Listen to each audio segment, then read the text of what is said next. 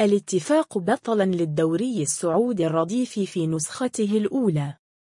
صراحة الرياض.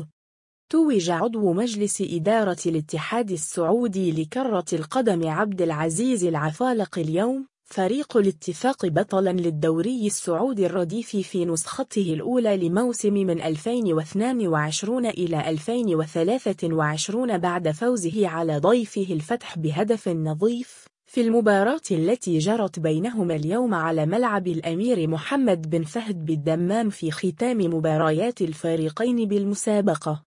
وحسم اللاعب عبد الله آل سالم الفوز للاتفاق بهدف سجله عند الدقيقة 84 من عمر اللقاء ليرفع الاتفاق رصيده إلى 27 نقطة في صدارة الترتيب بفارق أربعة نقاط عن أبها الذي أنهى مبارياته.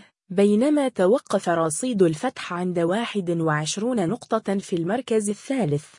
وتتبقى مباراتان على نهاية الموسم الأول من الدوري السعودي الرديف حيث يلتقي الطائي مع الوحدة يوم الثامن والعشرون من مايو الجاري قبل أن يستقبل الوحدة ضيفه الفيحاء يوم الأول من يونيو المقبل.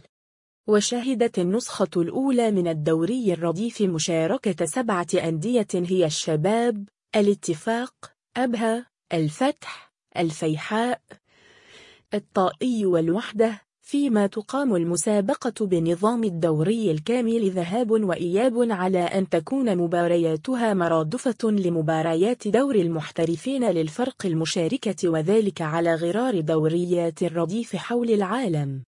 ومنح الاتحاد السعودي لكرة القدم الأندية المشاركة في الدور الرديف العديد من المزايا أبرزها الحصول على دعم مالي قدره مليوني ريال إضافة إلى جوائز الدوري التي يبلغ مجموعها مليونين وثمانمائة وخمسة وعشرون ألف ريال إلى جانب زيادة عدد اللاعبين المسجلين في قائمة الفريق الأول من 30 إلى 35 لاعباً.